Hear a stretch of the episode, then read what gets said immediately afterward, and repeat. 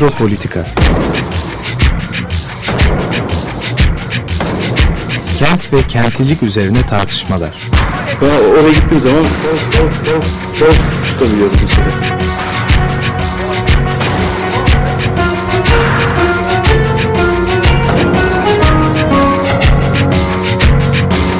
Hazırlayıp sunanlar Aysin Türkmen, Korhan Gümüş ve Murat Güvenç. Takusuyor yani. Kolay kolay boşaltamadı. Yani elektrikçiler terk etmedi Perşembe Pazarı. Merhabalar değerli Açık Radyo dinleyicileri. Metropolitika bugün e, iki e, konu var Met- Metropolitika'nın. E, biri Ömer Yılmaz e, yarışmalarla da ilgili uğraşıyor mimar. Diğeri Tansel Korkmaz Bilgi Üniversitesi'nden. E, ben de programı sunan Korhan Gümüş. E, şimdi e, Metropolitika bugün aslında geçtiğimiz programlarda da e, ele aldığı önemli bir konu gündeme getiriyor. E, bunu e, tartışacağız. Bu programa aslında başka katılacak e, arkadaşlarımız da olacaktı. Hatta kamu yönetimlerinden bir kişi olacaktı. Fakat e, bugün program aniden değişti.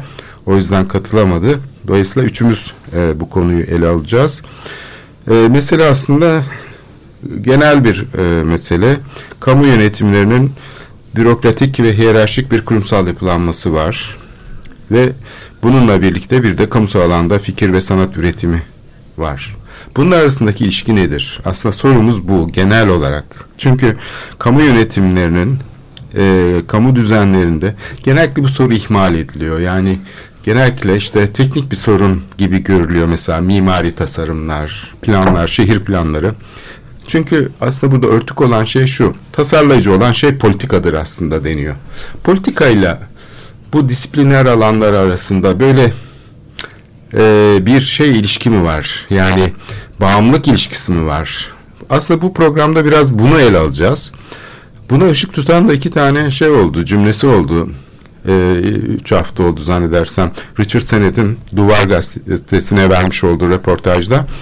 Bir tanesi şöyle dedi. Kamu yönetimleri benim bir planım var derse dedi o şehir ölmeye başlar. Şimdi bu pek tartışılmadı ya da tam anlaşılmadı. Yani niye ölsün planım var. Haber ediyor çünkü işte benim bir projem var. Benim...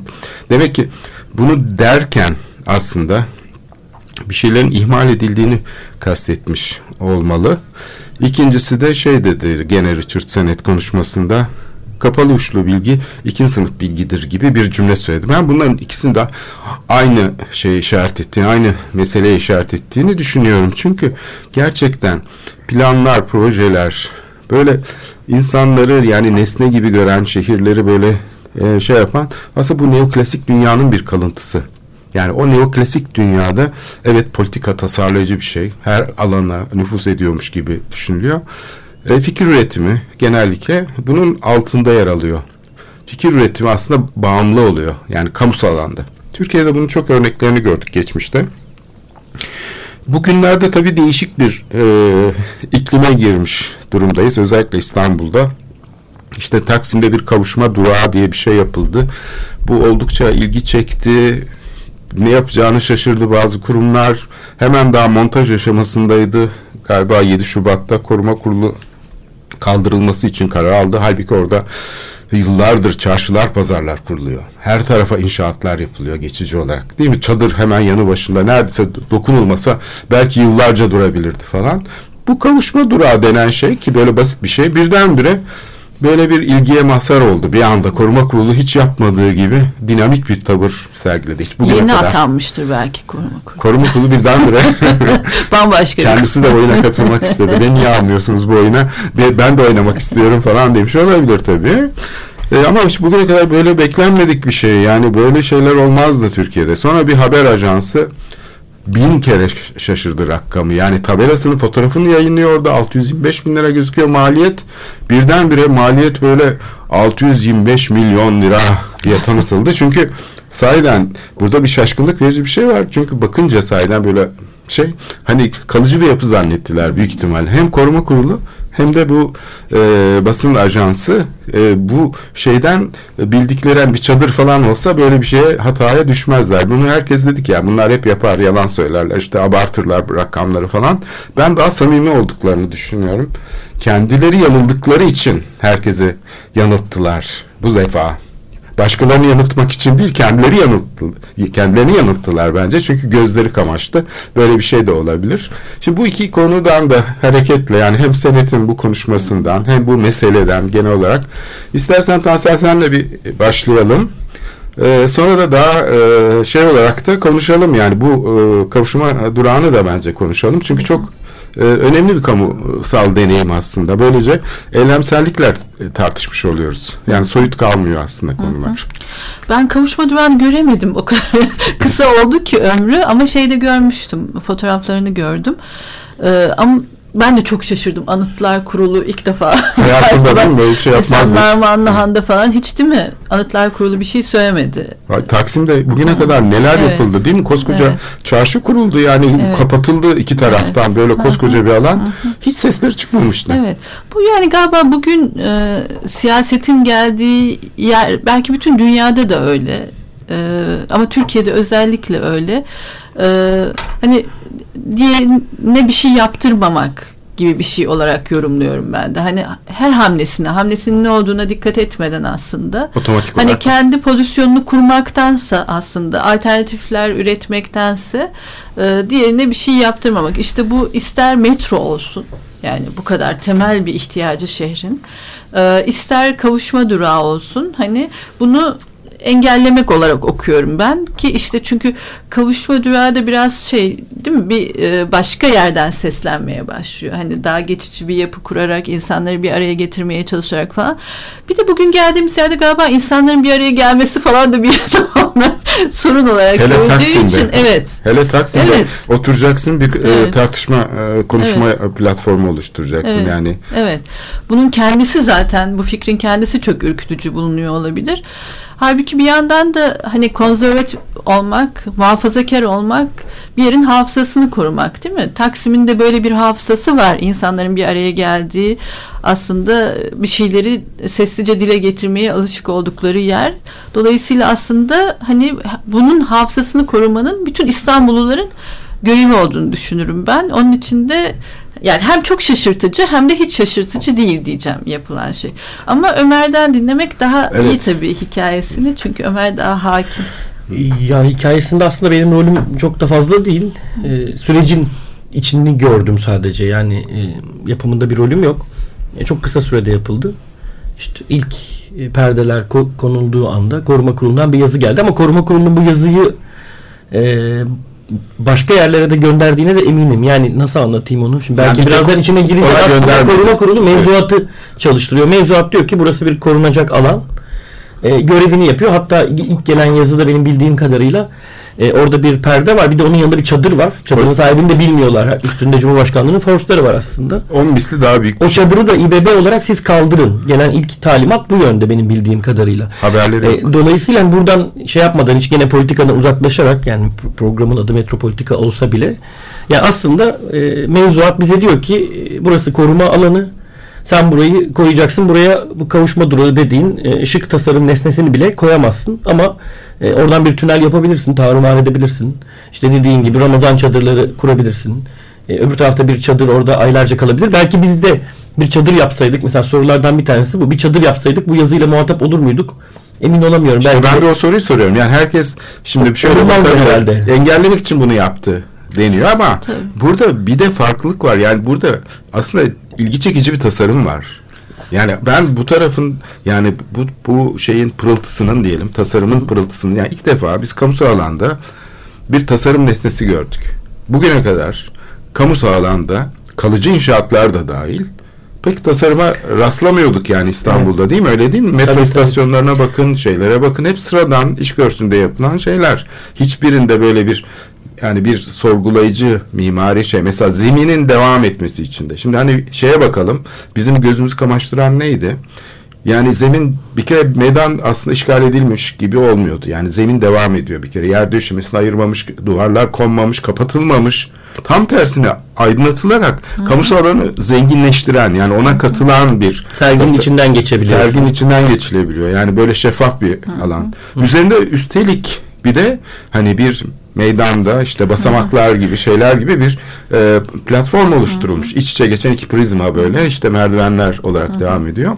E, yani ilginç bir şey vardı aslında. Böyle bir karşılıklı oturma düzeni Ayrıca da falan. geçiciliğini de hani hissettiriyor. Sökülüp takılabilir. Evet. Yani bir beton değil. Dün akşam bir toplantımız vardı başka bir konuyla ilgili. Oradaki gündemlerden bir tanesi şuydu sorulardan bir tanesi. Bu meydanlara e, meydanlara konulacak geçici strüktürler illa kavuşma durağı gibi işte böyle bir strüktür mü olmak zorunda? Mesela işte Gezi Parkı'nın merdivenlerinde de o etkinlikler yapılamaz mıydı diye bir mimar sordu. Yapılamazdı, yapılamıyor. Yapılamıyor bugün. Gerçekten Yani bu ilginç bir sorun. tasarım, tasarım nesnesi e, şeyden yani Evet. nasıl söyleyelim hem böyle bir takım e, istenmeyen faaliyetlerden hem de bir takım güvenlik faaliyetlerinden ikisinden birden ari olmuş bir yükseltilmiş platform yaratarak kendini buradan arındırdı. Çok garip bir şeydi yani benim için de izlemesi çok keyifliydi. Yeniden tanımladı mekanı aslında. Evet. Çünkü oranın kurallarını koyan anonim bir şey var. İşte Çevik Kuvvet orada şeyleri koymuş. Yukarıya otobüsler, su sıkma tomaları, bilmem neler. Sivil polisler dolaşıyor ortada.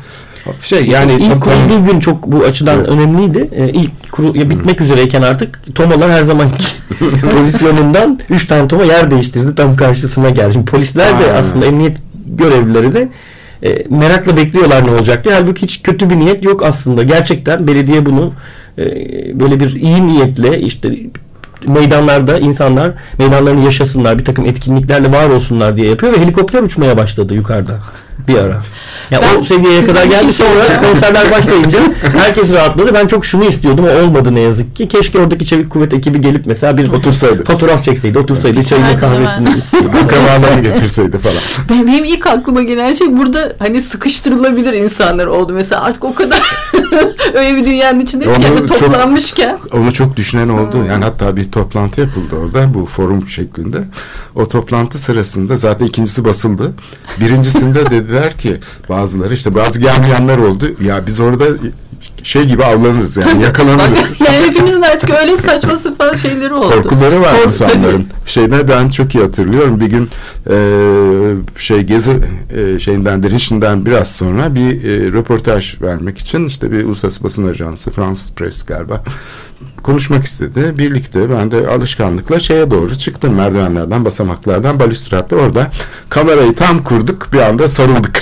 yani bir şey yapmıyoruz alt tarafı bir konuşma olacak. tamam bir- iki kişiyiz yani sonuçta ya da bir de kameraman var üç kişiyiz.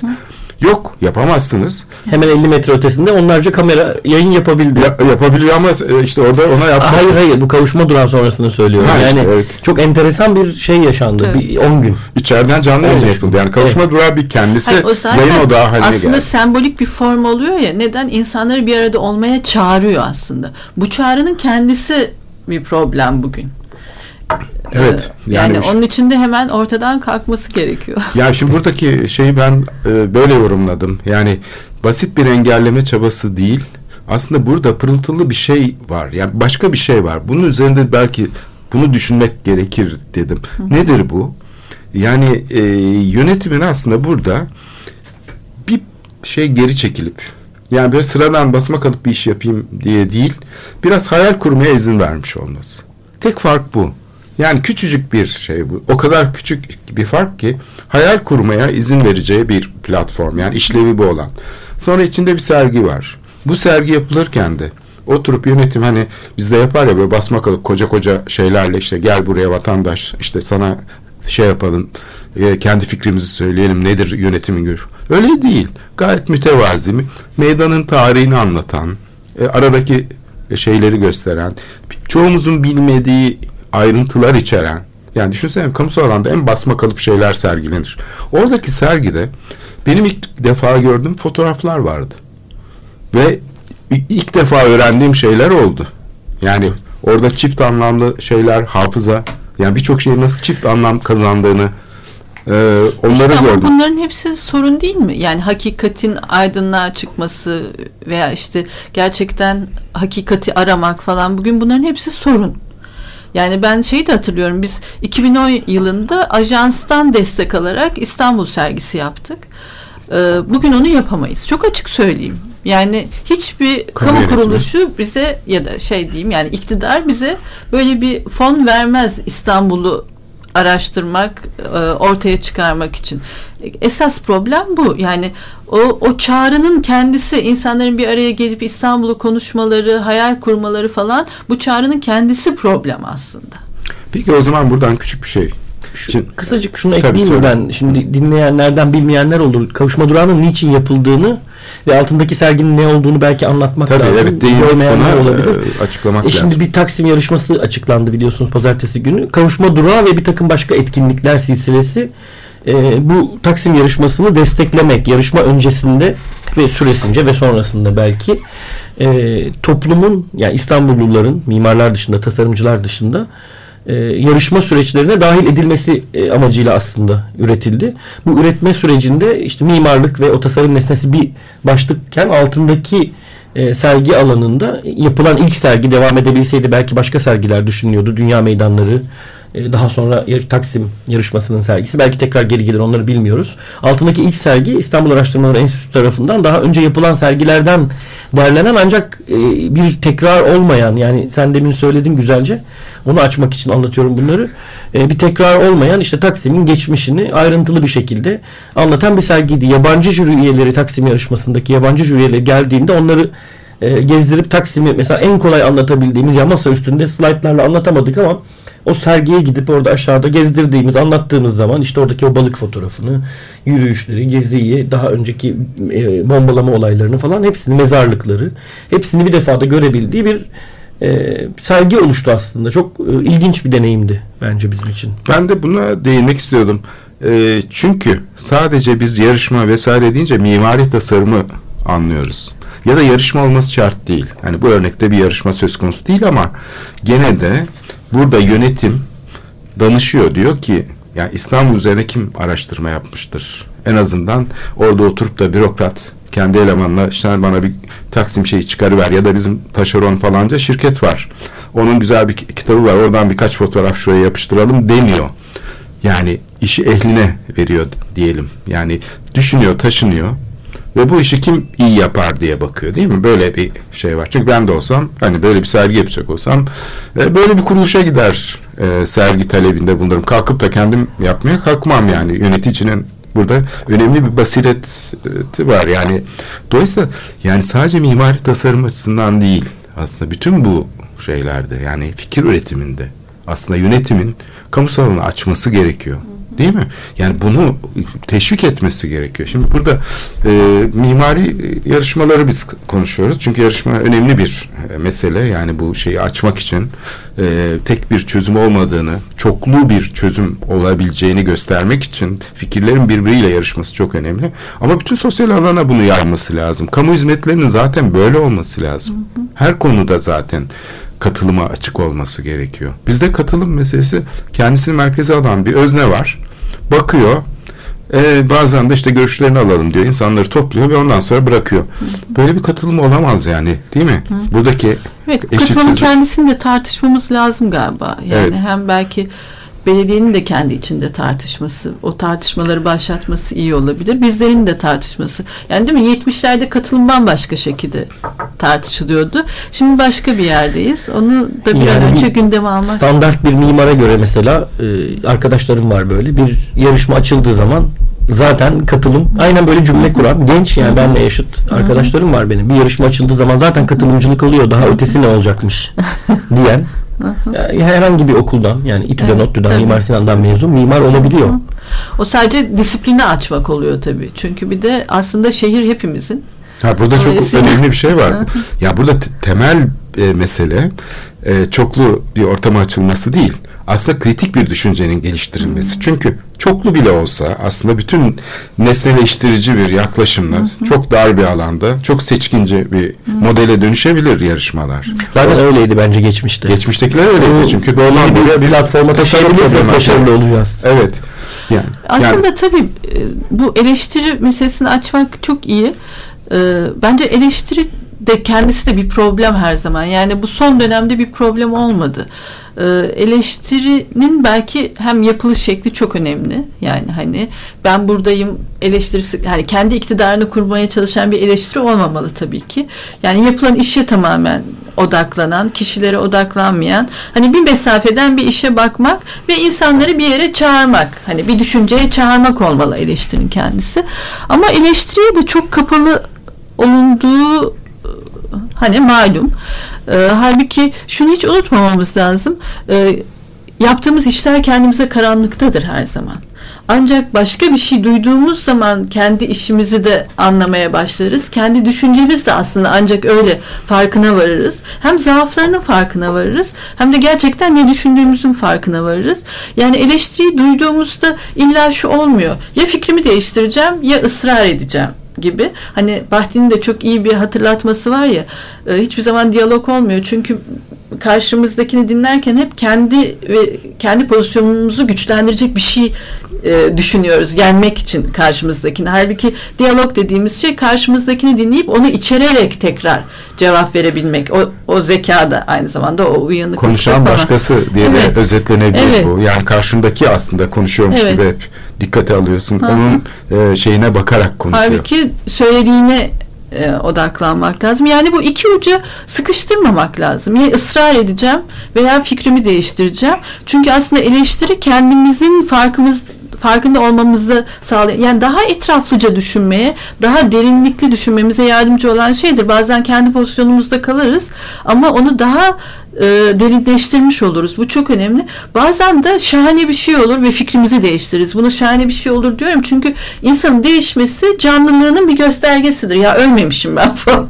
Başka şeyler düşünebiliyorum. Canlıyım, hayattayım gibi.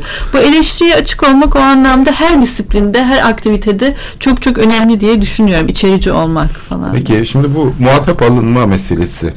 Yani genellikle profesyonellerin böyle bir problemi var. Yani niye onu dikkate aldınız da beni dikkate almadınız? Yani birileri hep dışarıda kalır.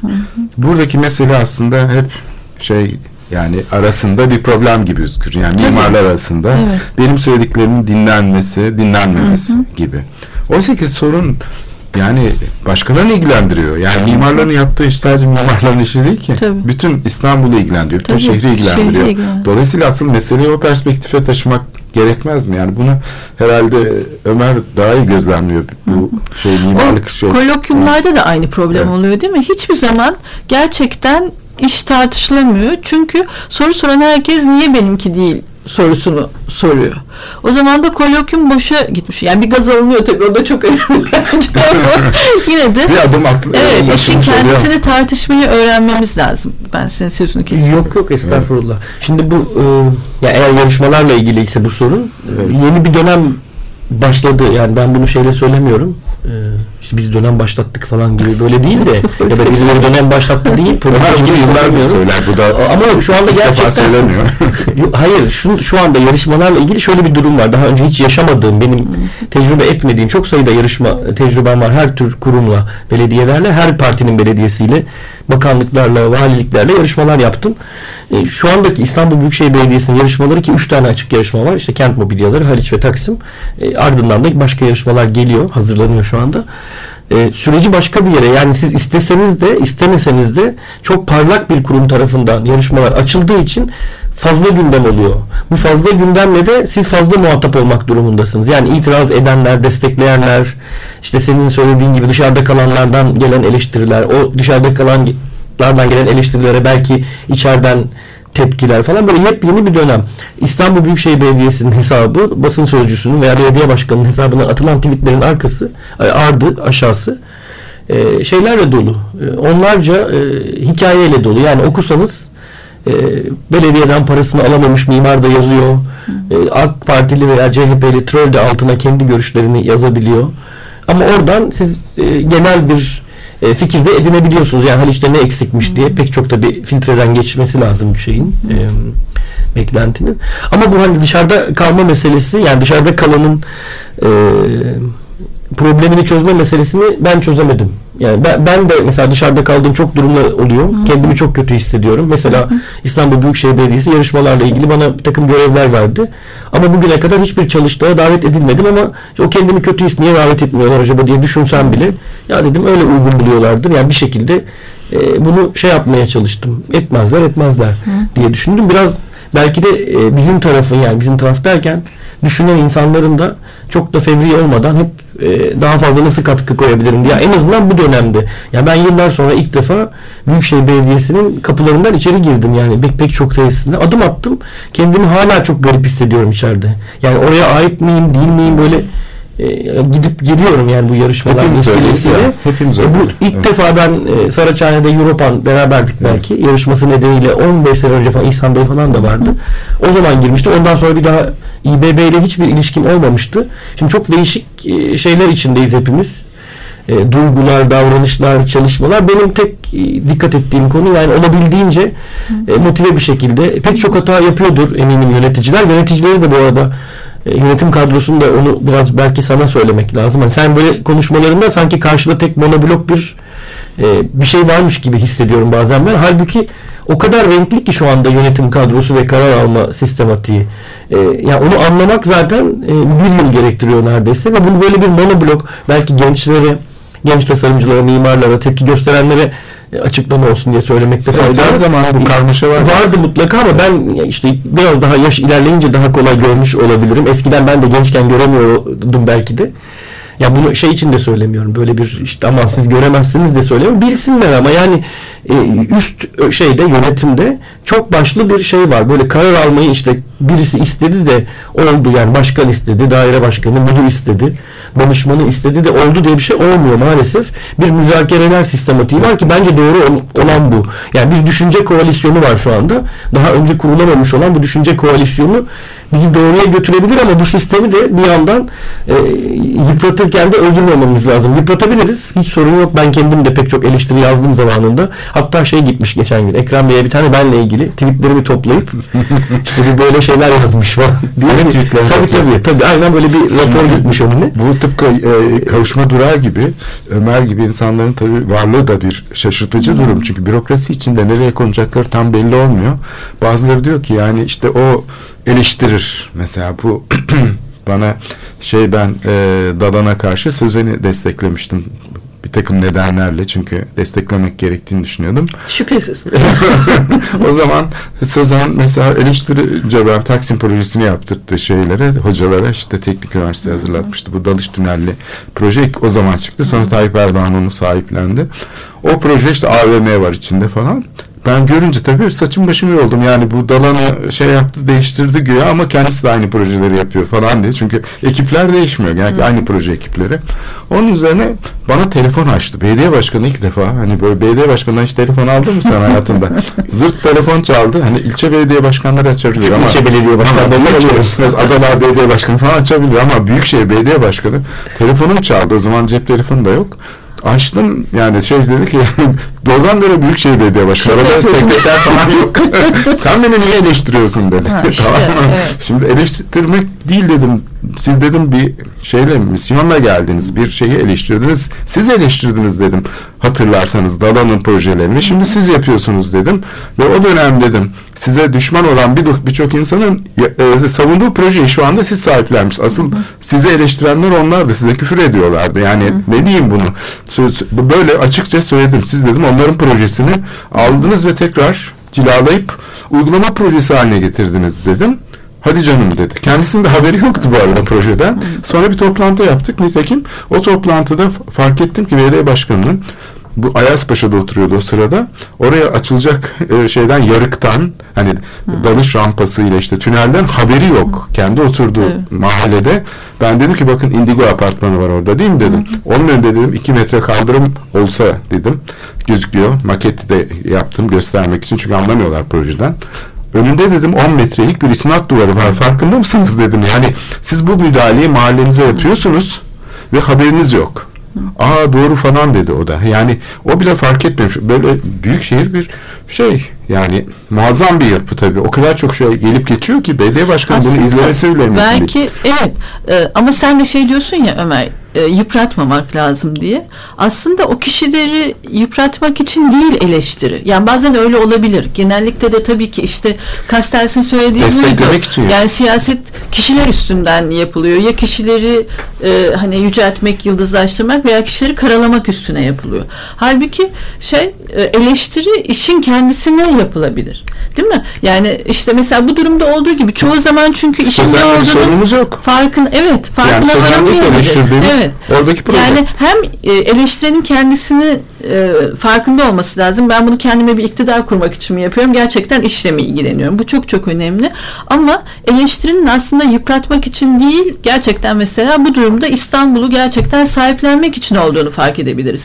Çünkü bir yandan da e, şey pozisyonu da hani ben niye açıkta kaldım veya dış, dışlandım da iyi bir soru değil. Değil mi? İşte asıl Yani problem işaret olan- problemi örtüyor bu. Evet, Yani pozisyon zaman.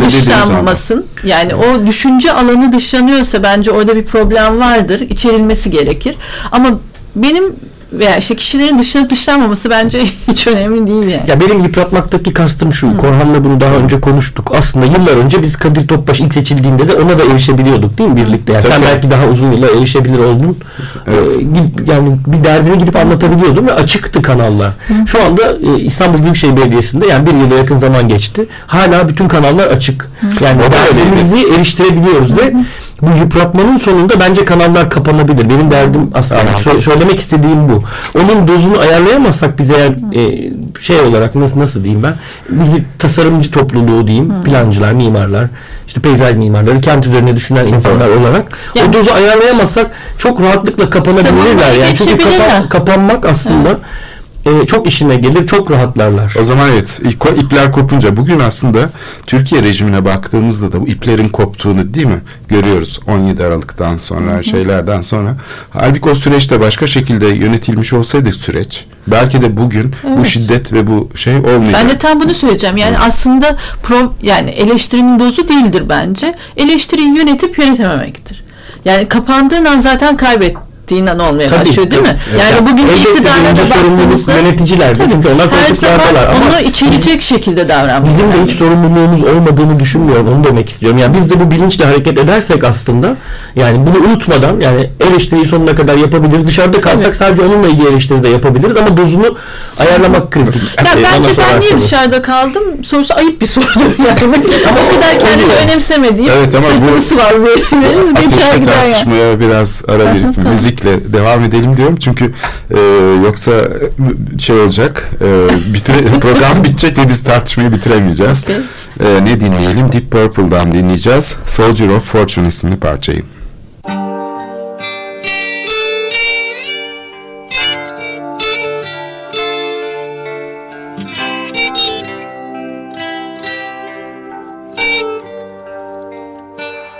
I have often told stories about the way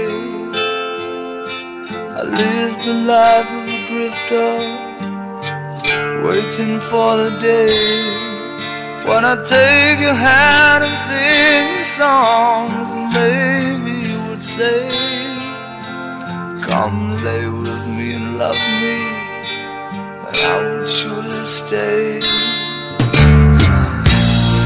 But I feel I'm growing older. And the songs that I have sung echo in the distance like the sound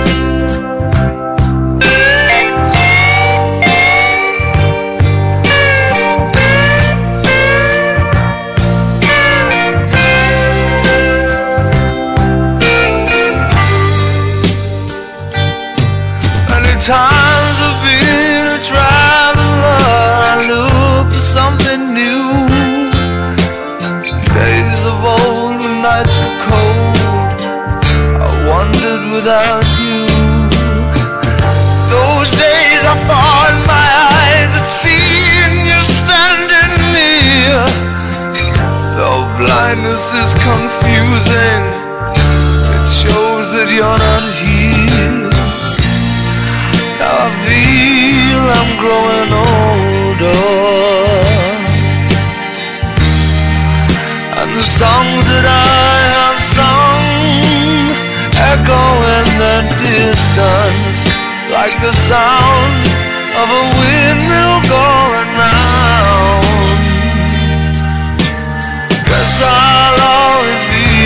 a soldier of fortune. I can hear the sound of a windmill going round. Guess I'll always be a soldier of fortune. Guess I'll always be a soldier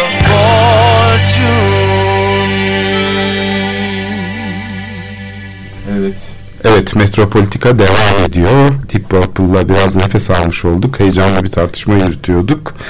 Evet konuklarım sevgili Tansel Korkmaz ve e, sevgili Ömer Yılmaz. Bugün kamu yönetimleriyle fikir ürünleri arasındaki ilişkileri düzenleyen yarışmalar da dahil mimarlara ve sanatçılara, tasarımcılara, araştırmacılara, her türlü konuda kamusal alanı açmak için kullanılacak yöntemler nedir? Buradaki sorunlar nedir? Biraz böyle geniş bir başlık altında konuşuyoruz ama bir taraftan da spesifik bir takım şeylerle de konuşuyoruz. Şimdi bu şey konusu yani bu diyelim ki bu ürünleri üreten mimarlar, sembolik sınıf, plancılar bunlar nasıl devreye giriyor? Yani bunları kamu nasıl harekete geçirebiliyor? Bunun yöntemleri aslında yasal olarak tanımlı bir takım şeyleri var, yolları var. Bunlardan bir tanesi ihale yöntemi. Şimdi ihale konusu bildiğim kadarıyla kapalı uçlu bir süreç. Yani bir proje olması lazım ki ihale yapılabilsin. Ne olduğunu bilmeden ihale yapmak bana biraz zor geliyor. Çünkü hani fikir dediğimiz şey kiloyla satın alınabilecek bir şey değil. Ne olduğu belli değil. Kereste satın alsam bile kerestenin cinsini yani fikrini kavramını tarif etmen Nitelik. gerekir. Evet, Öyle niteliğini, ölçülemez. cinsini, yani bunun boyutunu bile bilmeden ihale ediyoruz değil mi? Biz bir şey ihale ederken mesela diyelim ki e, işte Kabataş'taki Martı projesi ya da işte Taksim'deki Kışla projesi. Bunu alan kişi ben kazandım diyor gazetede falan. Nasıl kazandığını e, öyle üç yerden teklif getir. Seninki en düşük olsun Evet. metoduna biz kazandım. Bunun çok çabuk değişmesi lazım. Yani bence mesela belediyenin hani de, mümkünse değiştirmesi Evet, bu ihale sistemi bence ol- olamayacak bir şey. Yani Bu yasaklanmıştır. Dünyanın her yerinde fikir ürünleri ihaleyle değil, ancak tanımlandıktan sonra projeler, uygulama projeleri ortaya çıktıktan sonra rekabet koşulları oluşur. O zaman ihaleye çıkabilirsin. Şu kadar beton, ama bu bu kadar galiba belediyenin değiştirebileceği bir şey değil. değil. Şu anda yasal Belki işte var. belediye daha böyle fikir, sanat falan söz konusu olduğunda alternatif bir yol bulabilir bunu. İşte evet, Evet. bugün de denenen zannedersen bir parça bu. Çünkü Evet. belediye başarılı olmak zorunda. Başarılı olmak için de Bunun dışına çıkmak e, bir yöntem bulmak zorunda. Evet. İkincisi protokol yapmak. Protokol kamu kuruluşları arasında yapılabiliyor. Yani özel kuruluşlarla belediye protokol yapamıyor bildiğim kadarıyla proje hizmetleri konusunda. Araştırma konuları, deprem konusunda mesela işte yok planlar, e, projeler bunları e, gene kamu üniversiteleriyle protokolla elde edebiliyor. Üçüncü bir yöntem de yarışmalar. Bir de kendisi içeride kendi Kendi, personeliyle evet, kendi kendine yapması yani o da kamu eliyle yapılması demek. Dört tane yöntem var. Bunlardan ben biraz sözü alayım burada Lütfen. istersen. Bunlardan aslında protokol dediğimizde büyük olasılıkla yine kamu ihale kanununun belirli bir maddesinde tanımlanmıştır. Yani aslında bütün kamunun hizmet ve ürün almasını sağlayan sistem e, Türkiye'deki idarelerin, kamu idarelerinin büyük çoğunluğunun yani %95'inin belki daha fazlasının bağlı olduğu çünkü bazı istisnaları var kamu ihale kanununun. Kamu ihale kanununun içindeki yönlendirmeler. Bir tanesi diyor ki istersen yarışma yapabilirsin diyor. Oradan yarışmalar yönetmeliği türüyor. İstersen üniversitelere verirsen işi döner sermayelerine orada bir protokol yapabilirsin diyor. Oradan o e, yürüyor. İşte bir de kendi bünyesinde yapıyor. E, bunlardan yani ihalenin zaten bir yöntem olamayacağı e, yani proje elde etmek için tartışması Yani e, piyasa olanaksız aktörlerinin, bir şey. müteahhitlerin e, devreye girip Şu, proje şöyle, şöyle yapması anlatayım. mümkün değil yani. Bu, Türkiye Cumhuriyeti aynı e, işte Akropolis'te olduğu gibi bu dediğim bir sene önce falan oluyor. E, Akropolis, ben Akropolis Müzesi'nde olduğu gibi Hı.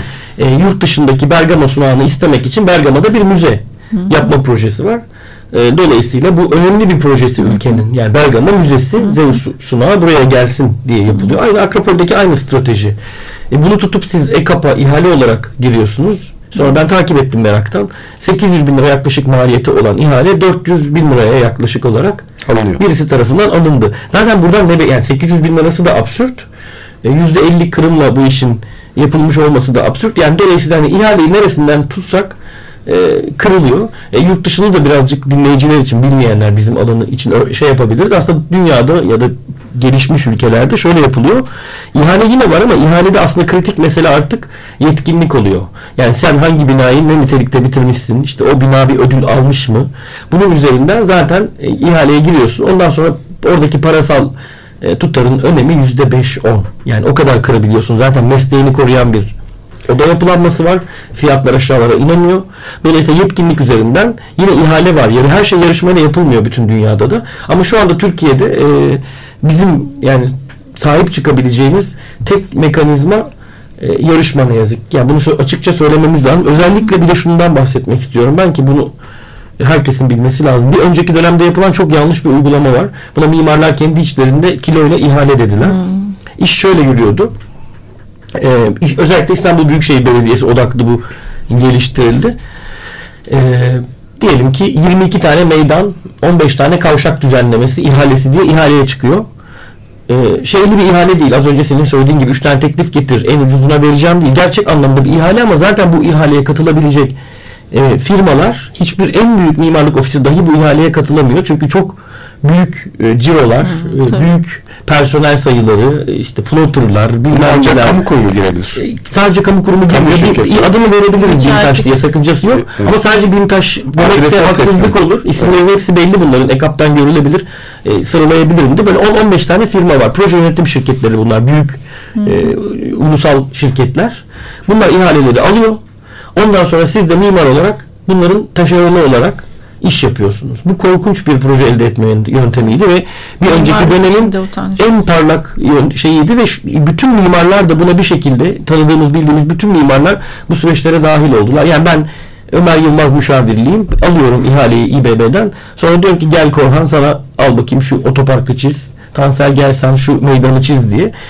Taksim ve Kadıköy dahi bu şekilde projelendirildi bir önceki dönemde. Yani ürkütücü bir şey bu. Bütün ada sahilleri için yapılmış projeler şey. var. E, tarihi yarımada bile böyle Evet evet. Süleymaniye. Yani şimdi peki Ya bu, bunun pardon bu şeyin bu yöntemin mevcut e, yönetim tarafından asla ve asla kullanılmaması lazım. Yani en dikkat etmemiz gereken en şey çok işte bu- kırmızı çizgimizin bu olması Evet. lazım. Bu çünkü pardon şeyi Çok çok, kolaylaştırıyor.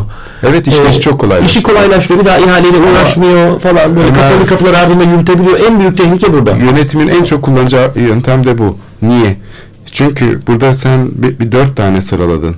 Ben bir beşinci eklemek zorundayım. Çünkü dört işte kamu kendisi yaparsa projeleri dendi. Nitekim birçok eleştiride de şey var ya yarışma yapılır mıymış? Belediyenin bir dolu personeli var. Bin tane mimar çalıştırıyor. Onlar yapsın diye eleştiriler var değil mi? Evet Ben evet. bilmiyordum. Yani mimarlık hizmetini böyle bağımlı bir şey gibi zannediyorlar. Yani sanat, fikir üretim falan.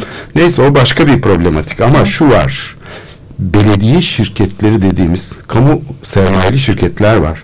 Ve bunlar aslında bir kolaylaştırıcı görev görüyor. Çünkü onlar ihale yönetmeliğine tabi değil. Tabiler. Onlar da tabiler. Ama Ama, bu şekilde- kolaylaştırıcı oluyorlar. Haklısın. Ama tabiler. Önceden bir ihale alıyorlar sonra parça parça dağıtabiliyorlar. Küçük şeyler yapabiliyorlar bölümlerini.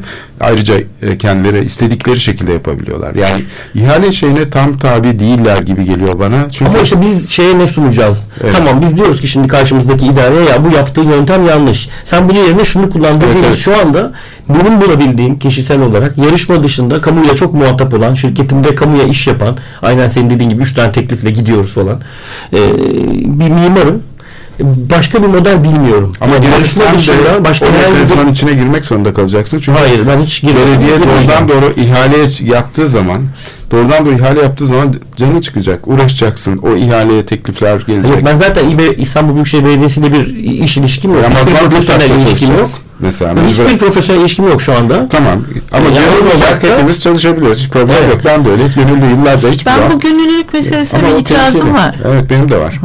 Yani bu gönüllülük meselesi şöyle entelektüel işin her zaman hani böyle oturup bir şeyler söylemek falan Boş gibi. zamanda yapılacak iş gibi Ve gözüküyor. onun için de kale alınması da işte bir, bir yere kadar kale alınıp bir yere kadar değiştirilip falan kullanılan bir şey olmaya başlıyor düşüncenin kendisi. Ben tecrübenin kendisi. Peki Bunlar uzmanlar normal kıymetli. hayatında ne iş yapar? Onlar normal hayatlarında müteahhitlerin altında çalışır. Müteahhitlere danışmanlık yapar. Bağımlı çalışır. Ama boş zamanlarında hafta sonları işte böyle işler yapar gibi algılanıyor. Bu sefer Evet. Benimki biraz öyle zaten. Ben normal böyle. zamanlarımda şey yapıyorum. Biz İşte işte yani projeler, Yani. turizm Uğraşıyorduk. hepimiz 10 sene böyle şeyler yapıyoruz Bir ama yapmamamız çalışıyorsun. lazım. Ondan sonra şeyden yakınıyoruz çünkü.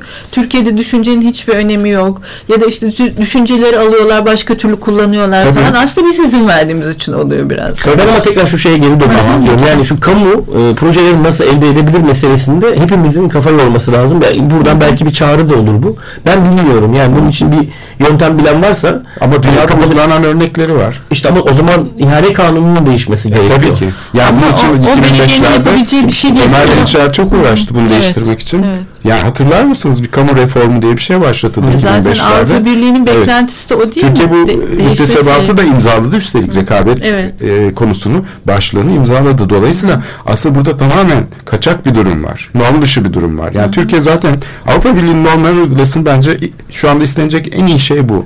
Tabii. İşte o normları uygulayan aslında birazcık kalkınma ajansları zaten çok e, devletin mekanizması içinde çok küçük Evet. bir şey. Ama yine de mesela bizim e, katıldığımız ihaleler oldu. E, üçlü bir şey istiyordu ihalede. Bir tanesi fiyat kriteri yüzde yirmi etkiliyordu.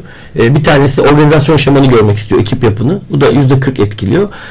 Diğeri de daha önce yaptığım işler o da yüzde kırk etkiliyor. Böyle bir üçlüden e, sonuca gidiyordu. Yani fiyatı en düşük. Aslında Türkiye'de de kamu ihale kanunun içinde danışmanlık ihaleleri var bu yönde ama mimarlar bunu da beceremezler. Yani mimarlık ortamı için bu ağır kalır. Yine büyük Bir bürokrasi müşavirlik şirketlerine Tabii. gider bu. Tabii. E, onun için yani yarışma sistemini nasıl kolaylaştırıcı hale Evet. getiririz. Bunun üzerine kafa yormak lazım. Bu noktada Evet. şu anda İBB'nin e, oluşturduğu işte bu İPA'nın altında oluşturduğu İPA yarışmalar İstanbul e, Planlama Ofisi. İstanbul diye bir web, Evet, evet, ajansı web adresi var. E, bence e, kolaylaştırıcı olacak. Eğer e, sistemde kalmaya devam edebilirsek yani hem sivillerin hem de e, kamudan görevlilerin birlikte şu anda e, mücadele ettiği iyileştirmek için sistemi yani bir yarışmanın kızağa alınıp hızlıca ve yüksek nitelikli olarak açılmasını sağlamaya çalışan bir sistematik aslında bu. E, mimarlar buna pek inanmıyorlar işte ama bence yılda 100 tane yarışma da açılabilir. Neden olmasın? Şu anda elimizdeki çünkü en düzgün araç yarışma. Ben peki bu konuda bir şey söyleyeyim o zaman. Ee, aslında kesinlikle katılıyorum. Yani ne yapalım? Şimdi bir cenderin içindeyiz ve o cenderin içindeki en uygun şeyi kullan, e, enstrümanı kullanmış oluyoruz. Ama yarışmalarda şöyle ele e, alınsa iyi olabilir gibi geliyor bana. Şimdi iki çeşit şey var. Ha bir de üç diyelim. Bir e, işte özel şirketler ne yapıyorlar? Bir genel müdürlük falan yaptıkları zaman bir şey e, izliyorlar. Bir yol izliyorlar. İşte beğendikleri 7-8 mimarı çağırıyorlar e, çağrılı yarışma dediğimiz şeyi hem o projeyi teslim alırken onlara bir ücret ödüyorlar sonra onların içinden seçiyorlar bazen iki kişi seçiyorlar bunlar uzlaşsın diyorlar falan. Şimdi o başka. Ama belediye yarışma yaparken belki ikili bir yapı oluşturabilir diye düşünüyorum. Bir daha mütevazi ölçekli olan binalar işte bir yerde hükümet binası bir yerde sağlık ocağı yapılacak falan. Bunları böyle e, hızlıca tam senin söylediğin gibi hızlıca yapılabilir. Daha mütevazi şartnamelerle çıkabilir. Bu nasıl bir görevi var bunu? Gençlere bir alan açmak gibi. Onların tecrübe kazanmasına yardımcı olmak gibi çok çok önemli bence. Bunu yapsın. Ama bir de e, İstanbul için bütün makroformu için çok önemli e, jeneratör alanlar veya işte çekirdek alanlar var. Bunlar için acele etmememiz gerekir gibi düşünüyorum ben. Bunları böyle o hazırlık sürecini biraz uzatıp ee, hem de o hazırlık sürecini bunları şehre mal edecek şekilde bütün şehirdeki herkesin farkında olduğu ve deli gibi sahiplendiği dolayısıyla sonuçlarını da izlediği ve sahiplendiği bir hale getirmeliyiz ve e, onların şartnamelerini de biraz böyle kendisinin bir araştırma e, olması gerekir. Ben böyle şey hatırlıyorum. Çok yıllar önce daha ODTÜ'ye yeni girmiştim. Ulus e, şartnamesi vardı. Hala kitap kütüphanemde duruyor. Çünkü ulus Yeni bunu da hakkında öyle değil. bir şey yaptığım zaman hemen ona bakıyorum. İlk ona bakıyorum. Tabii ki derinleştirmek gerekir. Dolayısıyla biraz mesela e, ben bir tek Haliç'i gördüm. Çünkü biz şimdi Haliç çalışıyoruz. Haliç Cendere Vadisi yani kuzey ormanları nasıl onun üstünden Marmara'ya bağlanıyor diye bakıyoruz. O, oraya baktığım için şimdi o biraz hızlı bir yarışma. Acaba ona biraz daha vakit ayırıp dediğim gibi hem daha çok açıp e, yani şöyle de bir şey vardır. Açılmak demek herkesi e, dinlemek, tartışmaya açmak demek herkesin istediği şeyi yapmak demek değildir. Sadece dinlemek yani iyi yönetilmesi bunun mümkün olduğu kadar içerici olmak ve o ayrımı yapabilmek. Neyi içermek gerekir, neyi içermemek gerekir. Ondan sonra da işte bunun bir yani işte e, Halic'in ekosistemini anlamak, onun cendereyle ilişkisini anlamak falan böyle şeyler çok çok önemli bence. Ayrıca da e, bunların böyle mimarlık düşüncesini biraz sarsacak yarışmalar. Tam zamanı mimarlık düşüncesinin sarsılmasının çünkü bütün dünya büyük bir krizde bütün düşünceler sarsılıyor değil mi? Şimdi biz o insan merkezli düşünceden aslında değişmemiz gerektiğini anladık. Peki onu diyecektim zaten. Niye peki sadece mimarlık yarışması o zaman? Niye bütün bu araştırma yani şehirle ilgili bütün konuların aslında aynı yöntemle ele alınması gerekmez mi? Tabii. Değil mi? Zaten hani sorunun çok kapsayıcı olduğunu söylüyorsun ve topluma mal edilmesi. Evet, işte. yeni bir şey metot geliştirmek gibi. Yani bir enstrüman bulduk. Bunu acaba biz tam da bu dünyanın değiştiği müthiş bir şeyde duruyor. Eşikte duruyoruz ya dünyada her şeyle değişiyor falan. Biz acaba bunu nasıl formunu değiştirebiliriz? Nasıl bütün şehri ya sadece dinlemek anlamında söylemiyorum Ömer. Şeyi fark ettik son 5 senede. Sadece uzmanlar hiçbir şeyi koruyamıyor. Değil mi? He- Her şey gitti.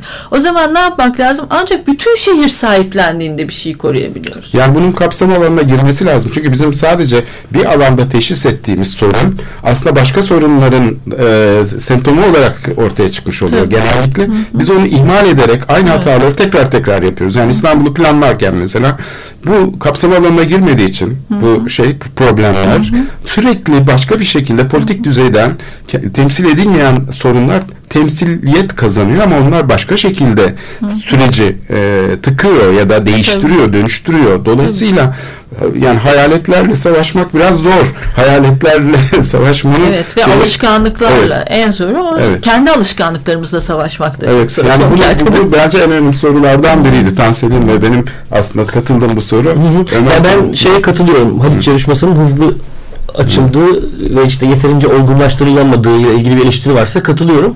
Ee, onun nedenini belki söylemek lazım. Ee, güney tarafında yani Eminönü Ali Beyköy arasında bir tramvay hattı var biliyorsunuz. Evet, evet, Her şey bitmiş olan, durumda. evet. Yani aslında bit- neredeyse bitmiş durumda. Onun Altyapısı. Haziranda falan açılması gerekiyor. Yani hiçbir zaman e, siz istediğiniz kadar teknik alanda kalın. Siyaset sizi dışarıdan sürekli e, baskılıyor, yapılmış etkiliyor. şey. Evet. Yani- Hayır ama onun e, ilgili yapılması gereken düzenlemeler var. Onu tamamıyla belediyenin iç mekanizmalarına bırakıp bu bir tasarım problemi değildir diyebilirsiniz ya da şu anda olduğu gibi ya bunu acele şekilde yapmamız diyen bir idare varsa tamam o zaman acele ise acele yapalım e, diyerek yola koyulabilirsiniz. Yani bir, bunu önce Haliç'le ilgili açıklamak istiyorum. Yani aktarmak istiyorum dinleyicilere. Şimdi yarışmalarla ilgili biraz dinleyenlere şey bilgisi de verelim. Bizim kamu ihale kanunumuza göre açılıyor. Bütün süreçlerde e, bütün kimlikler kapalı. E, bir jüri oluşuyor ve bu jüri tamamıyla sivillerden oluşuyor. Asli jüri özellikle asli ve yedek jüriler. Danışmanlar da e, idarelerden e, görevliler bulunabiliyor ve bu artık bu jüri aynı Amerika'daki jüri sistemi gibi e, kapalı bir şey oluyor. Toplantılar silsilesiyle kamu adına kamunun işini yapıyor oluyor. Bu Türkiye'de benim gördüğüm kamu mekanizması içinde başka hiçbir yerde bu yok. Hiç bilmiyorum yani ve müthiş bir şey.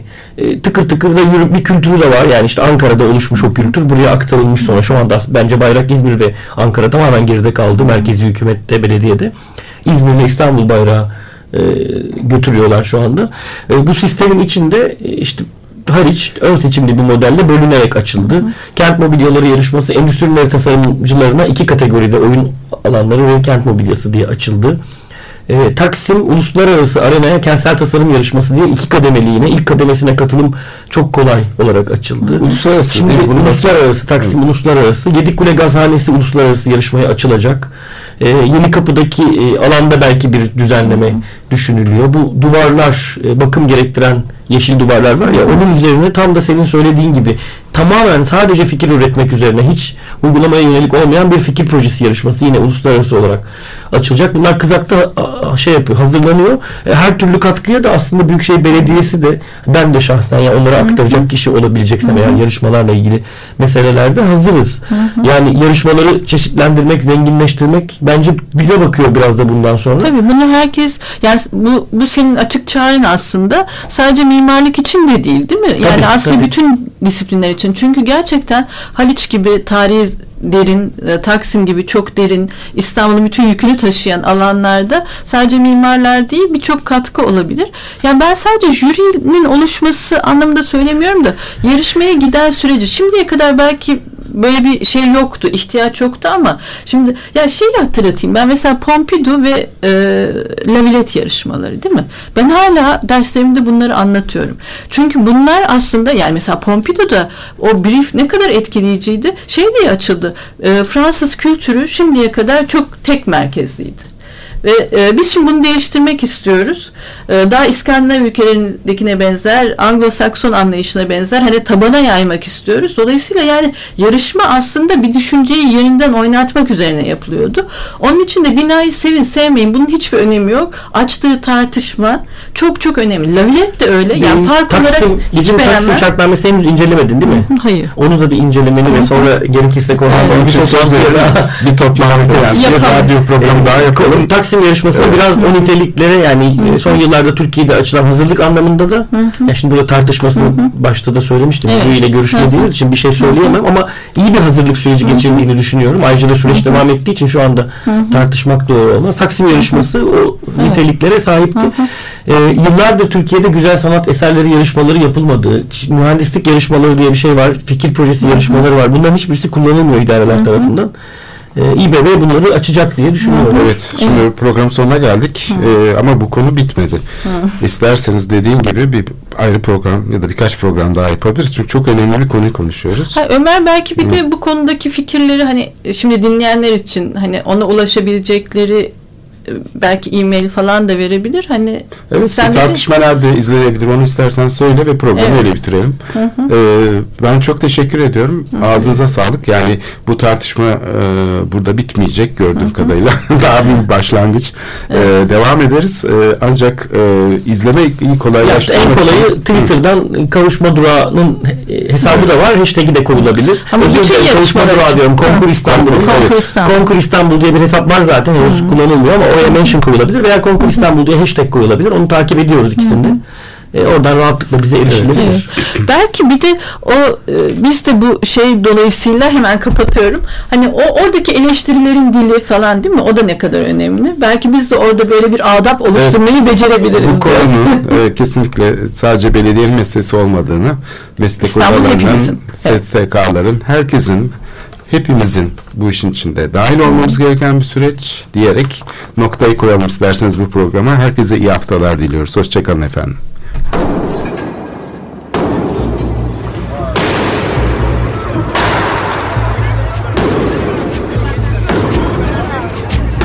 Metropolitika Kent ve kentlilik üzerine tartışmalar. Ben oraya gittiğim zaman tutabiliyorum mesela.